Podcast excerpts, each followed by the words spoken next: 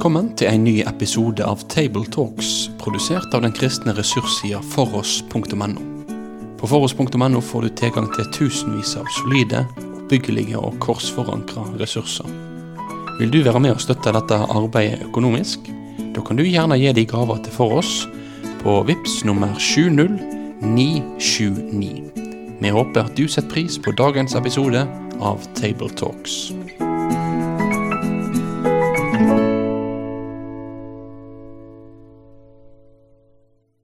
Hjertelig velkommen til Tabletalks igjen fra Kristiansand. Mitt navn er Bjørn Hindraker, jeg skal lede denne samtalen. Og med meg har jeg Kurt Hjemdal. Og du er Jeg er pensjonist og tidligere sogneprest og bibelskolerektor. mm, Og jeg har med meg Mikael Brun, eh, prest i Delk Kristiansand.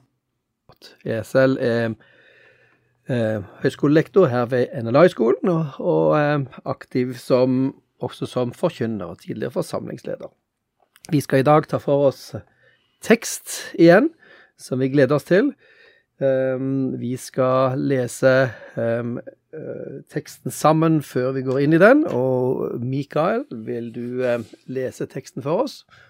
Ja, det skal jeg gjøre. Da er det teksten til juledag som er fra Johannes evangelium, det første kapittel, versene 1 til og med 14. Vi leser i Jesu navn. I begynnelsen var Ordet, og Ordet var hos Gud, og Ordet var Gud. Han var i begynnelsen hos Gud. Alt er blitt til ved ham, og uten ham er ikke noe blitt til av alt som er blitt til. I ham var liv, og livet var menneskenes lys.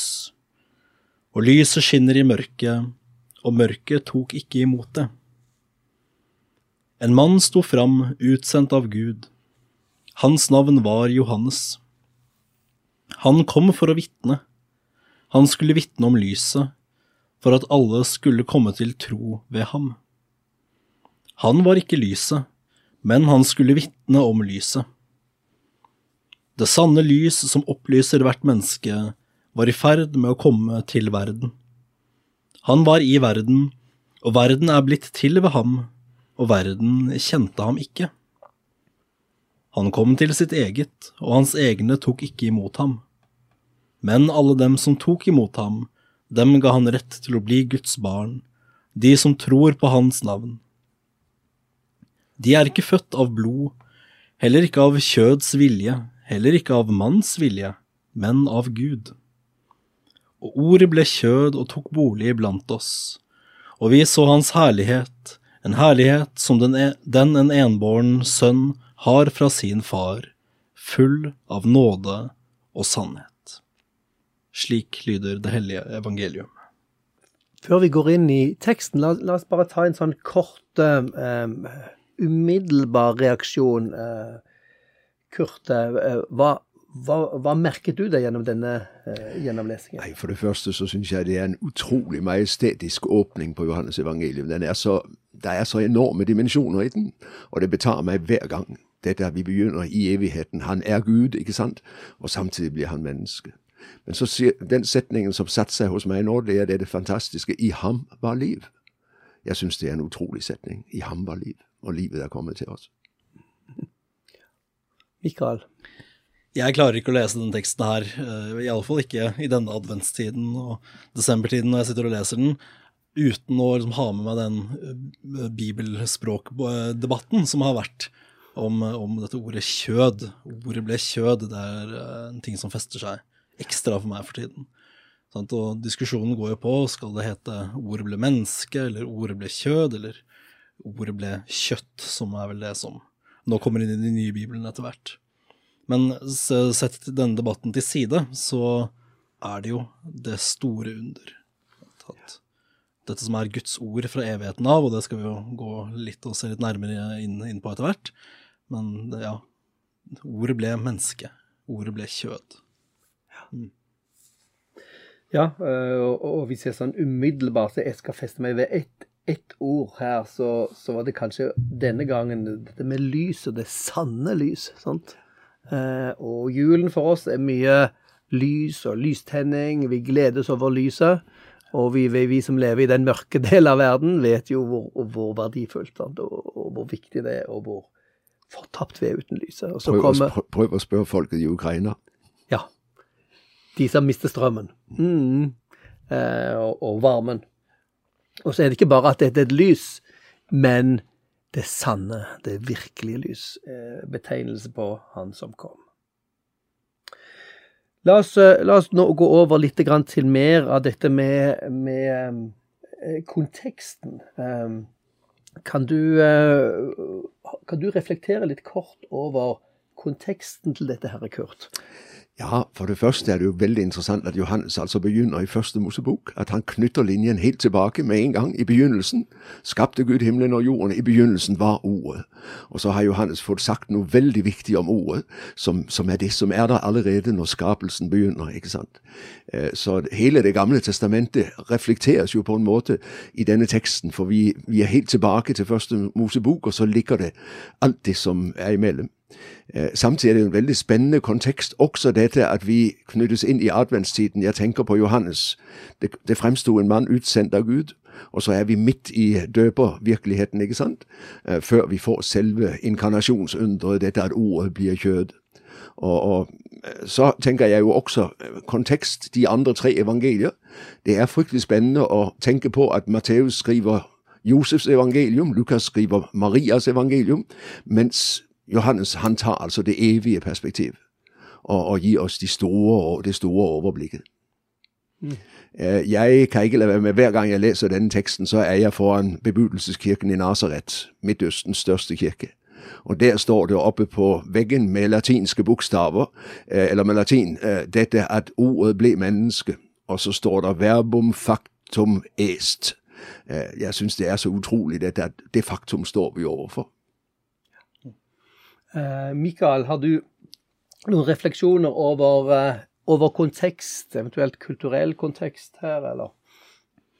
Ja, vi, vi, kan jo kanskje begynne med dette ordet ordet, mm -hmm. sant? Som um, i, alle for, for, i, alle fall for, våre teologiske lyttere, så vil jo det greske logos være, være kjent i denne sammenhengen. Og dette er et ord som kan betyr både det, både det talte ordet, men, men, som også i den greske filosofien var et konsept for um, tanken, eller for fornuften. Noen som har vært borti retorikk, vil jo kanskje kunne kjenne igjen dette vi kaller for logos-argumentasjon. når, når, man appellerer til, til, tanker og fornuft heller enn til, uh, enn, enn til følelser. De jødiske leserne eller hørerne av dette, denne hymnen i begynnelsen av Johannes evangeliet jeg ville nok også satt dette i sammenheng med den personifiserte visdommen fra, fra Det gamle testamentet, som vi jo kjenner fra i alle fall ordspråkene åtte, men også, men også andre steder. Hvor også da, eh, i jødisk tradisjon, så ble visdommen forstått som på mange måter en sammenfatning da av eh, Guds ord og loven, altså Toran, Moseloven. Altså i, i da, oppsummert i denne personifiserte uh, visdommen. Så her er det mange ting som gir gjenklang, sant? både for altså jødisk, jødisk, jødisktalende grekere, men altså gresktalende jøder, og, og, også grekere som kjenner dette fra sin egen, uh, egen filosofi. Og at um, her ser man da at dette, denne logos, denne visdom, er jo er ikke bare en, en, ting ved Gud, men er Gud selv, og er ved dette skapte Gud verden. Og det er ganske sånn Kurt har allerede sagt litt, litt, litt om det, at det her er store, kosmiske, enorme dimensjoner. Mm. Og det er jo slik at uh, det, dette språket som Johannes bruker her, den, det gir han en mulighet både for å, å påpeke ordets guddommelighet, altså fornuften, og ordet er jo en del av det guddommelige identiteten. Og samtidig er det en skille mellom personen og ordet. Sånn, så, så, så, både eh, det guddommelige ved ordet, og at det er en annen person i guddommen, eh, eh, skapes det rom for ved å bruke akkurat dette, dette ordet. Og så er det jo veldig interessant, eh, Bjørn, dette at det der kontekstualisering. ikke sant? Her går man inn i et filosofisk språk som grekerne kjenner, og tar det i bruk og fyller det med nytt innhold. Og sier ordet er blitt menneske. ikke sant? Det er helt ufattelig for gresk tanke at Logos er steget ned og er blitt en av oss. Det er jo fryktelig spennende at Johannes på en måte går inn i tiden og bruker tidens språk, men fyller det med nytt innhold. Ja, så, så, så både, både, for jøder og grekere tror jeg den tanken at eh, ordet skulle bli menneske, skulle bli kjøtt, var en veldig sjokkerende ting som, som kom seinere. Men, men alle ville være på the same page og syns dette er veldig fornuftig. At ja, universet er skapt ved en fornuft, ved et ord. Vi gjenkjenner dette her. Ja, det, det er i alle fall begreper og ord de kjenner til, i alle fall. Sant? Og så, jo, så møtes det jo med evangeliet, sant? at det faktisk er Gud selv, Messias, som, blir, som da blir født i det her. og at uh, ja, alle Messias-profetiene går i oppfyllelse og, og, sånne ting. Og da begynner man å snakke om anstøt etter hvert. Sant? Men uh, Grunnkonseptet er jo kjent for dem. Jo, men derfor syns jeg Jeg ser jo for meg den gresktalende som satt og lyttet til dette, og som nikker. O, I begynnelsen var ordet Ja, det er jo helt riktig, det er vi helt med. Og så kommer sjokket i vers 14, ikke sant. Og ordet blir kjørt. Ikke, hva, hva, sier du? Ikke tale om. Men nå reagerer jeg altså fullstendig. Men så er jo diskusjonen i gang, og dermed har vel Johannes oppnådd det han ville. Han har virkelig rukket å sette tankene i bevegelse, og, og beveget menneskene, selv om de altså tar en støt. Det må de forholde seg til. Mm. Og um, så begynner jo teksten I begynnelsen var ordet, og ordet var hos Gud, og ordet var Gud. Han var i begynnelsen hos Gud. Alt er blitt til ved ham. Uten ham er ikke noe blitt til. Det som ble til i ham, var liv, og livet var menneskenes lys. Lyset skinner i mørket, og mørket har ikke overvunnet det det er jo en munnfull med, med utsagn om eh, Definitivt en munnfull. Ja. ja. Jo, men samtidig er det jo veldig interessant å se hvordan Johannes her makter å knytte sammen skapelse og forløsning. Altså, det, når, når Gud er, elsker verden, ikke sant, så han sender Sønnen, så er det ikke så merkelig, for det er hans verden. Det er han som har skapt den. Og den er til og med skapt ved Sønnen. Så, så han har et forhold til den som er utrolig nært. Det er hans eget verk han prøver å forløse. ikke sant? Så jeg syns jo det er veldig spennende å se både hos Johannes, og du har det jo samme i denne mektige lovsangen i Kolosserne 1 fra vers 15 til 20, hvor Paulus sier akkurat det samme. At han er skapelsesmidleren, ikke sant? og derfor er det naturlig at han prøver å frelse. For det var han som har skapt det. Det er hans, hans eget skaperverk han prøver å berge. Mm. Og så føyes det til her ikke bare at han har skapt, men alt. Ikke noe. sant? Det fins ikke noe annet enn det han har skapt. Sant? Så den, det behovet som, som, Johannes tydeligvis har for å understreke at han er skaperen av alt, dukker jo opp her. Mm. Som gjør rollen til, til den si, jødiske Javé fra Israels gud. Jo, og vel også i en kontekst hvor man ofte regner med mange skapere uh, i en hedensk sammenheng, ikke sant, uh, er det jo mange myter omkring skapelse, så, så det er helt klart han avvæpner på en måte hele den mytologiske virkelighet han beveger seg i, og sier det er Gud som står bak det alt sammen. Ja. ja det er veldig spennende. Uten ham er ikke noe blitt til. Det, det høres helt unødvendig ut for oss. Men en, ikke minst i en sånn politistisk, religiøs kontekst vil det være ekstra viktig å si. Jo, tror du ikke snart hos oss også, for vi er jo snart politister, vi også, med hele den religionsblandingen som vokser frem i Norge. Ja. ja. Og vi, eh, vi, har jo jobbet med hver og en å lage vår egen eh, religionsmiks. Så, uh, ja, og jeg tenker også på alle disse som er så opptatt av the big bang, og at alt er blitt til av seg selv. Så er det jo veldig forfriskende å høre uten ham er ikke noe blitt til. Vær frimodig på den bibelske skapertroen. Ja, definitivt. Det er et veldig, veldig sterkt korreks til, eh, til, mye av de tankene som også rører seg i dagens ja, det, det, sekulære virkelighet. aktuelt. Absolutt. Ja. Uh, akkurat når du nevnte Big Bang, så er jo det faktisk en av, uh, en av de sterke argumentene for at universet må ha en begynnelse og en årsak ut forbi seg selv. Mens, uh, mens, det er veldig mange naturalister eller ateister som har da behov for å prøve å finne en en bortforklaring av universets eh, si, singulariteten, starten på universet. Så, så um, dette det, dette at dette er skapt av ordet, er jo interessant. Og det er med den orden og mening som vi, som vi fanget opp med i dag. Og ligger ikke her også en rabbinsk tankegang omkring Første Mosebok 1, ikke sant?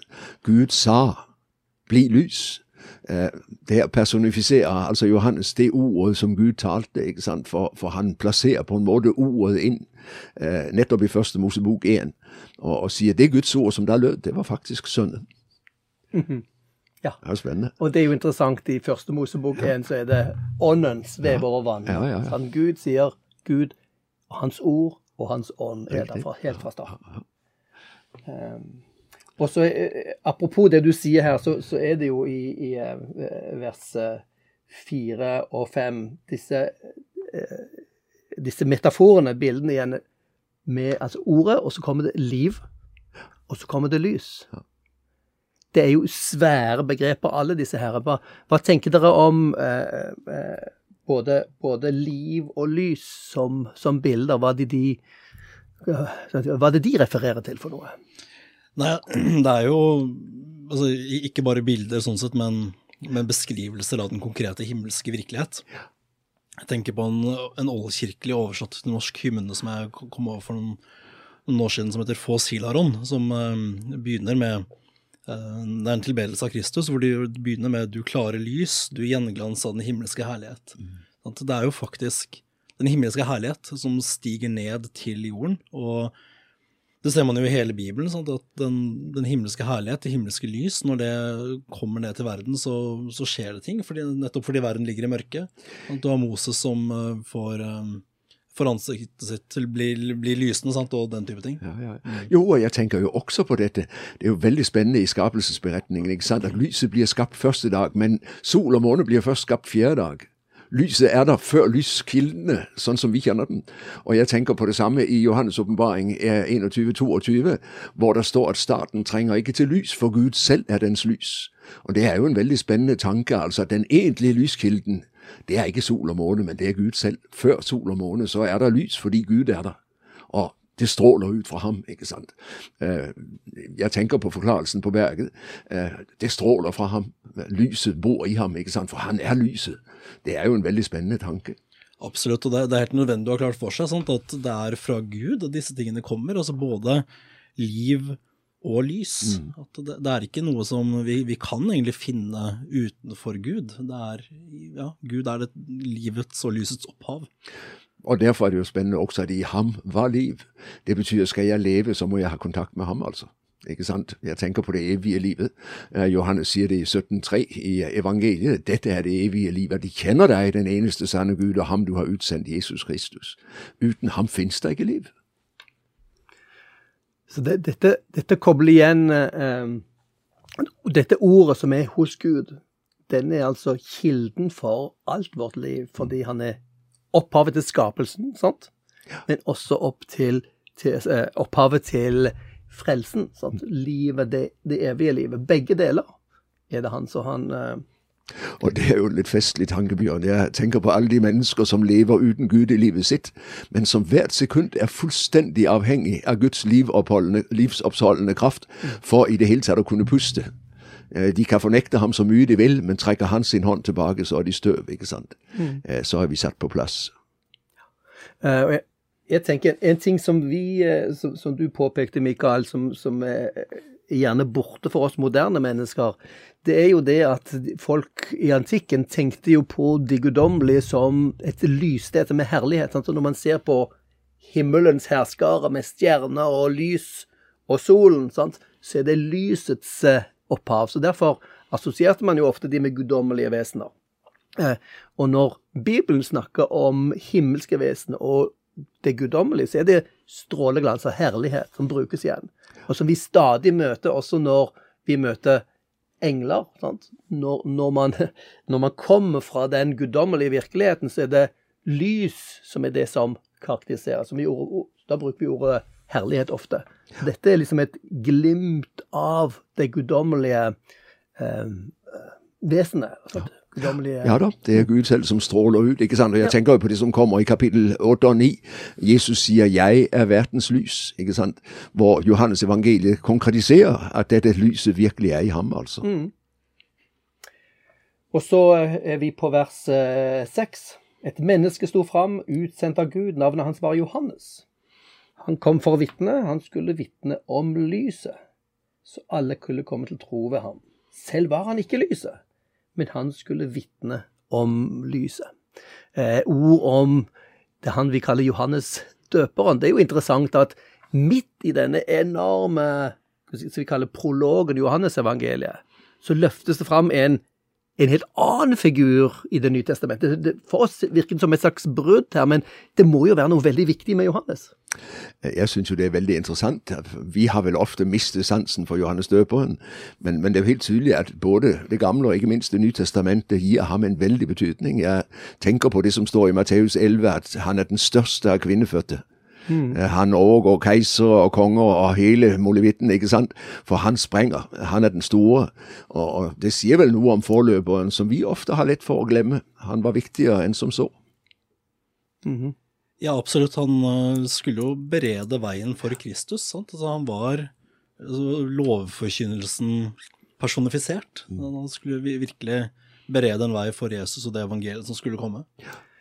Og det viser seg jo i, i sånn, sånn historisk sett at, at uh, når evangeliet spredte seg bl.a. til Efesus, så viste det seg der var det folk som var disipler av døperen Johannes, som ikke hadde hørt om Jesus. Så det betyr at Johannes var en veldig stor skikkelse for det jødiske folk som levde rundt sannsynligvis hele Romerriket. Uh, og han var liksom da en, en profet som da endte sine dager inn i, inn i dette fortet til, til Herodes Antipas. Sant? Um, Men jeg tenker jo også i den sammenheng på at på den ene siden så løfter evangeliet Johannes frem og sier han er viktig. På den andre siden i kapittel tre han skal vokse, jeg skal avta. Mm. Det er helt tydelig at Johannes samtidig har behov for å si husk nå, det er ikke Johannes. Mhm. Han var ikke lyset, men han skulle vitne om lyset. Det er noen som settes på plass her, hører jeg, og som får vite husk når det er Jesus det dreier seg om. Mhm. Døperen er tross alt bare forløperen. Ja, Og Det sier jo noe om hvor viktig han var. at Du må si at ja, han er ikke den store, det er den neste som er den store.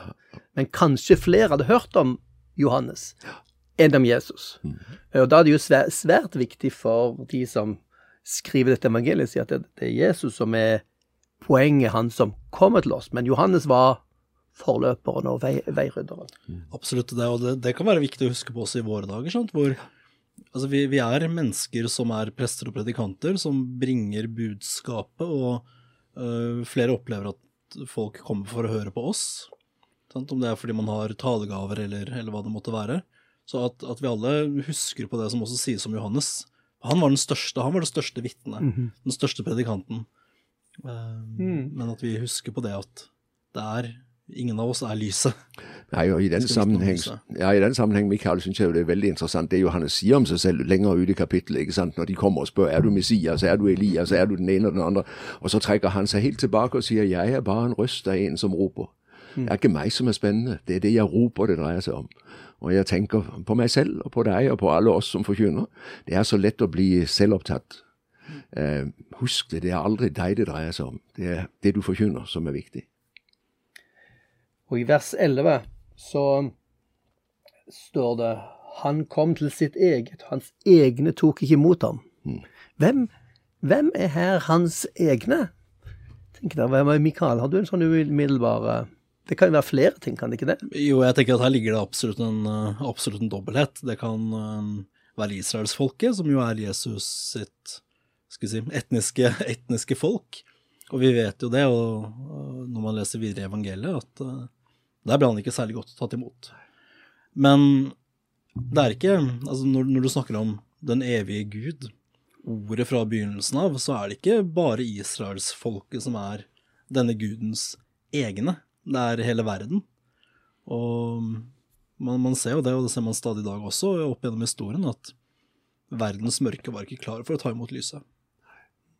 Nei da. Og så er det jo interessant når du først begynner der. Jeg tenker jo på det som fortelles hos Matteus og Markus, ikke sant, om at hans egen familie ikke tok imot ham. At de kom og hentet ham fordi han var gal.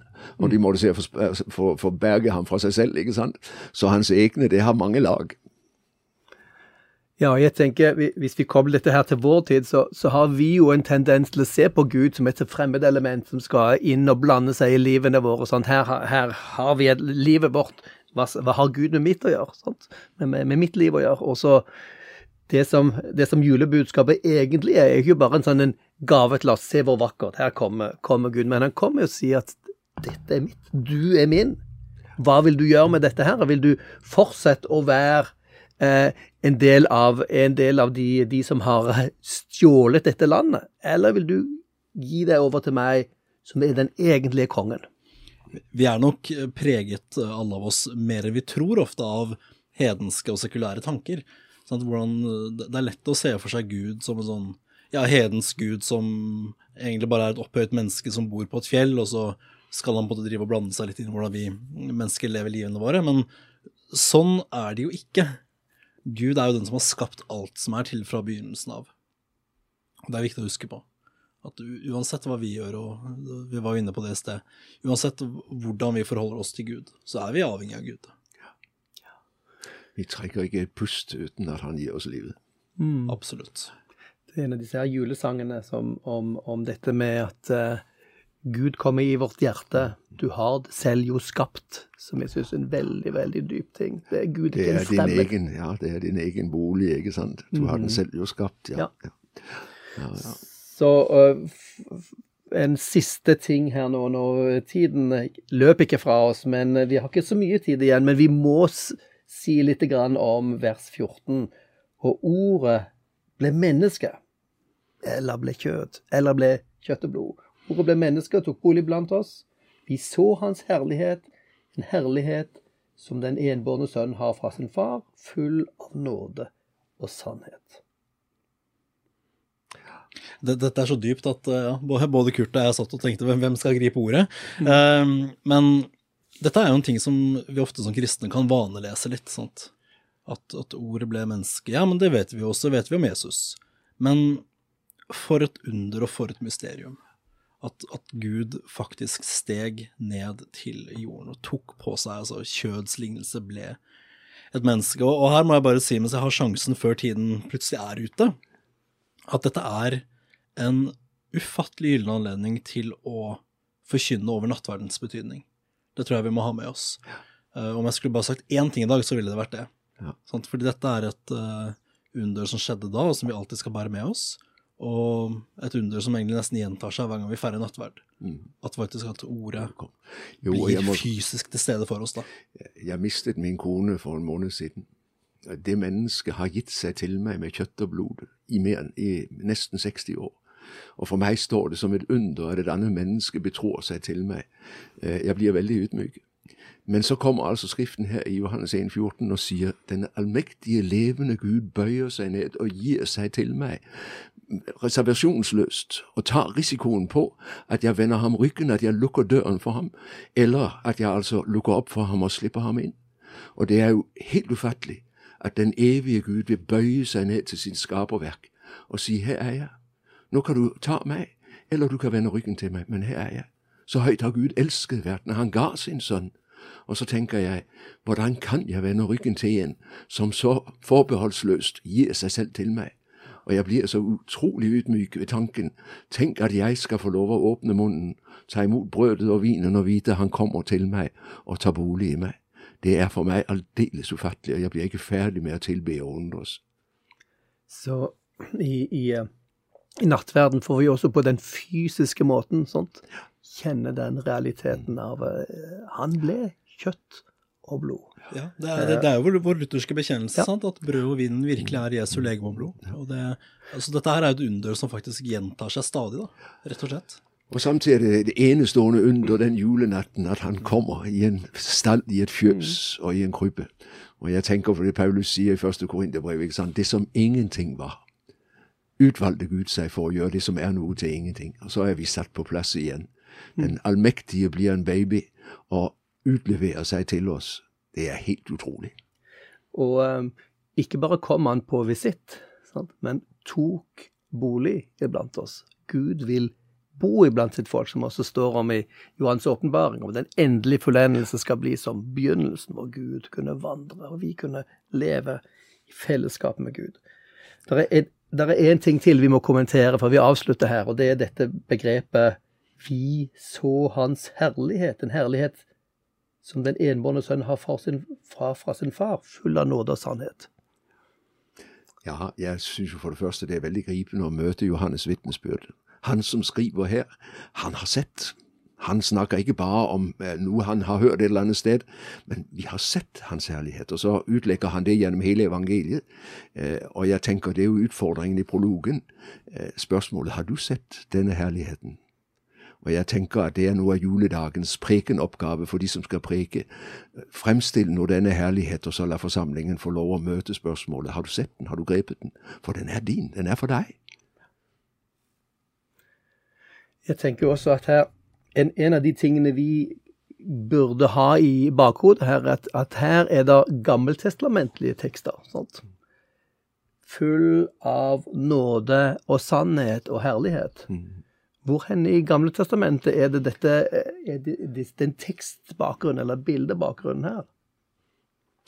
Ja, blant annet i Mosebøkene. Jeg tenker på Moses på Sinai, og du nevnte det, Mikael, dette med at han strålte ansiktet når han kom ned. ikke sant? Eh, Jesus oppfyller på en måte eh, det som Moses eh, antyder. I Guds nærhet så blir jeg preget av herligheten, og han er selve kilden til den. Så derfor er han full av nåde og sannhet. ikke sant? Og Guds herlighet har altså navn. Og det syns jeg er spennende, for vi har lett for å tenke bare på en lysglans. Men, men herligheten, det er nåden. Det er der jeg ser det. Full av nåde, Full av nåde og og sannhet. sannhet. ikke sant? Og jeg tenker på Moses som ber om å få se Guds ansikt, og Gud sier 'jeg går forbi', du stiller deg i klippen, og så skal du få se meg bakfra. Og så roper ut, Gud ut sitt navn, 'Herren, Herren er nådig og barmhjertig og rik på miskunnhet'. ikke sant? Mm. Så ser han igjen Guds herlighet. Nettopp nåden er herligheten.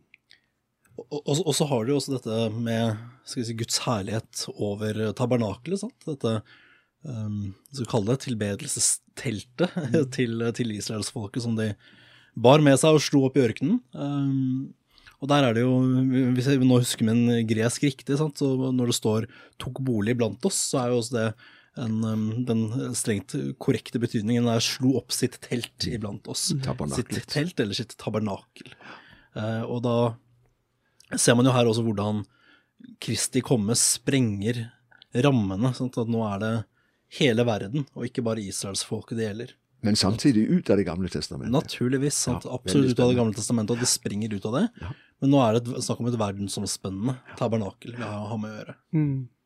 Han kom til sitt eget, ikke bare sitt folk, men til sin verden. Absolutt. Eh, og så det som, det som nå proklameres, er jo at her har Johannes sett den Gud som Moses ba ham å få se. Full av nåde og sannhet. Og dette, eh, dette ser vi jo aller tydeligst, ikke bare Jesus undergjerninger sant? og hans kjærlighet, men aller mest i hans korsdød og oppstandelse. Og jeg tenker jo nettopp at Moses ba om å få se ansiktet. Han så Gud bakfra, men du og jeg får lov til i evangeliet å se Gud forfra. Og se rett inn i hjertet på ham. Han åpner det for oss vidt, og vi skal få lov å se nåden og sannheten i Kristi ansikt.